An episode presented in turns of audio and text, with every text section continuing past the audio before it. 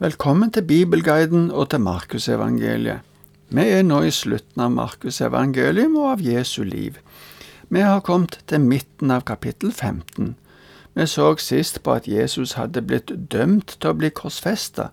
Så ble han hånt og pint av soldatene i borgen, før han til slutt ble ført ut for å korsfestes. Vi leste et avsnitt om det, men vi kommenterte ikke det avsnittet etterpå. Derfor vil jeg at vi leser dette avsnittet om igjen nå. Det var ifra andre halvdel av vers 20 og til og med vers 26. Så førte de Jesus ut for å korsfeste ham. Og de tvang en mann som gikk forbi, til å bære korset hans. Det var Simon fra Kirene, far til Alexander og Rufus. Han var på vei inn fra markene. De førte Jesus ut til et sted som heter Golgata.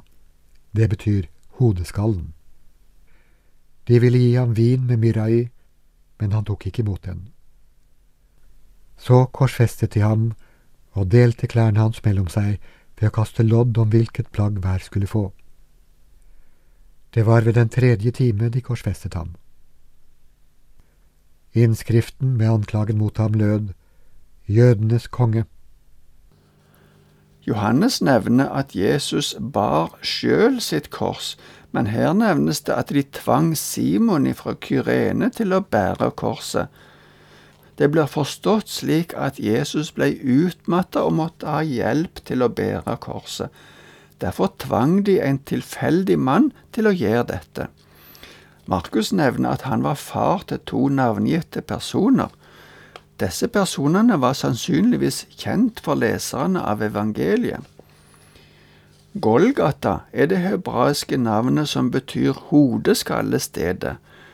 Det kan ha fått dette navnet fordi berget kunne minne om en hodeskalle, eller kanskje fordi det var en plass der mange personer var gravlagt.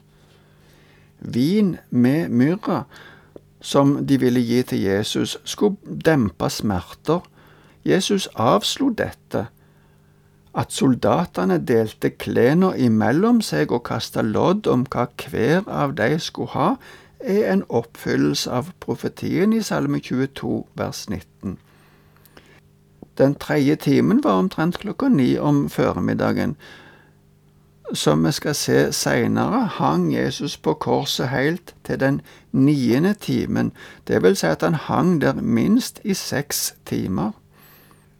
Det var vanlig å skrive på korset hvorfor den som hang der, hadde blitt dømt. Det var jo en merkelig grunn for å bli henretta, det som sto om Jesus. Det sto at han var jødenes konge. Men det var ikke bare Jesus som ble korsfesta. I fortsettelsen ser vi at det òg var to røvere der.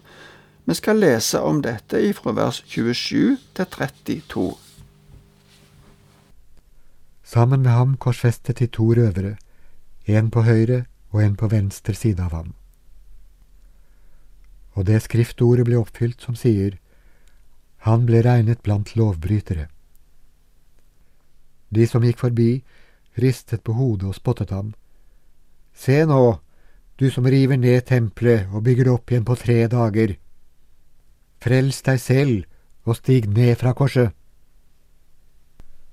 På samme måte hånte også overprestene og de skriftlærde ham og sa til hverandre, Andre har han frelst, men seg selv kan han ikke frelse. La nå Messias, Israels konge, stige ned fra korset, så vi kan se og tro. Også de som var korsfestet sammen med ham, hånte ham.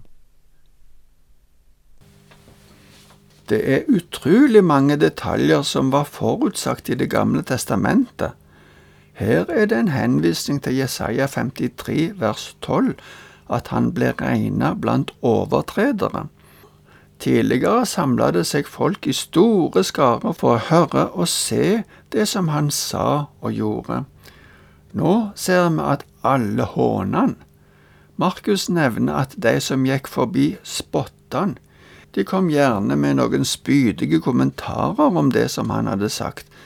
Videre sa de at nå måtte han frelse seg sjøl. Det samme sa overprestene og de skriftlærde.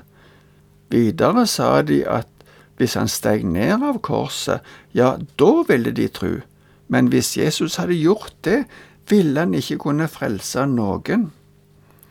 Her står det også at de som var korsfesta sammen med han, hånte han. Men ifra Lukas 23, 42 kan vi se at den ene av de tenkte litt annerledes og irettesette den andre. Så ba han Jesus om å huske på han når han kom i paradis. Etter at Jesus hadde hengt på korset i tre timer, altså når de kom til den sjette timen etter jødene sin måte å regne på, skjedde det noe. Det leser vi om i fortsettelsen ifra vers 33, og så skal vi lese til vers 39. Da den sjette time kom, falt et mørke over hele landet helt til den niende time. Og ved den niende time ropte Jesus med høy røst, Eloi, Eloi, lema sabachthani. Det betyr, Min Gud, min Gud, hvorfor har du forlatt meg? Noen av dem som sto der, hørte det og sa, Hør, han roper på Elia. Da løp en bort og fylte en svamp med vineddik, satte den på en stang og ville gi ham å drikke. Han sa, Vent, la oss se om Elia kommer for å ta ham ned. Men Jesus ropte høyt og utåndet. Og forhenget i tempelet revnet i to, fra øverst til nederst. Da offiseren som sto rett foran ham, så hvordan han utåndet, sa han, Sannelig, denne mannen var Guds sønn. Det blei mørkt, og dette mørket varte i tre timer. Noen mener det var en solformørkelse, men det er òg mulig at dette var noe overnaturlig. Etter at mørket hadde vart i tre timer, ropte Jesus noen ord på arameisk, som her også er oversatt. Jesus siterer Salme 22 vers 2. Kanskje han har lest mer av salmen òg, men det er vers 2 som er gjengitt her. Vi kan antyde at mørket som var over hele landet, også kjentes som et mørke inne i det indre hos Jesus. Jesu angst var intens. Han følte sterkt at kontakten med Gud var brutt, men allikevel henvender han seg til Gud med et personlig uttrykk. Min Gud, sier han. De som hørte disse ordene fra Jesus, forsto ikke helt hva Jesus mente. De trodde han ropte på profeten Elia. Andre lurte på om han var tørst, men etter dette ropte Jesus høyt og utånda, skriver Markus. Lukas nevner at det Jesus ropte, var at han overgav livet sitt i Guds hender. Så døde han. Da Jesus døde, skjedde det forskjellige ting. Markus nevner at forhenget i tempelet revna, og legger til at det var ovenifra og ned. Det er som at noen øverst på forhenget starter å rive, og at denne rifta drar seg videre helt ned til bånden. Matteus nevner at jorda skalv og klippene revna. Offiseren som sto rett foran Jesus, merka nok mer til det Jesus sa og til jordskjelvet enn at forhenget revna, men det han opplevde var nok til at han utbrøt Sannelig, denne mannen var Guds sønn. Det var også noen andre der som så det som skjedde. Vi leser versene 40 og 41. Det var også noen kvinner der som sto på avstand og så på. Blant dem var Maria Magdalena, Salome og Maria, mor til Jakob den yngre og Joses. De hadde fulgt Jesus og tjent ham da han var i Galilea. Det sto også mange andre kvinner der som var kommet opp til Jerusalem sammen med ham. Det var noen som sto på god avstand da alt dette skjedde. Lukas 23, 49 nevner at alle hans kjenninger og noen kvinner sto på avstand og så dette.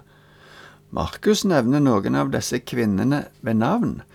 Det er litt forskjellige henvisninger til hvem disse var, men det er sannsynlig at Salome var mor til Jakob og Johannes. Maria, som her kalles mor til Jakob den yngre og Joses, kan være en annen måte å nevne Jesu mor, for etter det Markus skriver i kapittel seks, kan vi se at to av Jesu brødre, eller halvbrødre, heter Jakob og Joses. Jesus var jo ikke Josef sin sønn, men Guds sønn med Maria. Det var også noen andre der. En av dem var Josef fra Arimathea. Vi skal lese hva han gjorde fra vers 42 til 47. Det var forberedelsesdagen, det vil si dagen før sabbaten, og det var alt blitt kveld. Josef fra Arimathea, en høyt aktet rådsherre som selv ventet på Guds rike, tok da mot til seg og gikk til Pilatus og ba om å få Jesu kropp. Pilatus fant det underlig at han allerede skulle være død, og tilkalte offiseren og spurte om han hadde vært død lenge. Da han hadde fått det bekreftet fra offiseren, lot han Josef få liket. Han kjøpte da et linklede, tok Jesus ned, svøpte ham i det og la ham i en grav som var hugget ut i bergveggen, og rullet en stein foran inngangen til graven. Maria Magdalena og Maria, mor til Joses, så hvor han ble lagt. Fordi neste dag var sabbat, hasta det med å få Jesus lagt i grav. Pilatus syntes det hadde gått veldig fort. Ofte hang de som ble korsfesta mye lenger. Derfor måtte de forsikre seg om at de virkelig var døde. Men Josef, som var en høyt akta mann, viste nå at han var en av Jesu disipler. Han hadde også ressurser til å få gravlagt Jesus i en fart. De kvinnene som ble nevnt tidligere, så hvor Jesus ble lagt. Neste gang skal vi avslutte Markusevangeliet og se at Jesus sto opp igjen. Velkommen igjen da.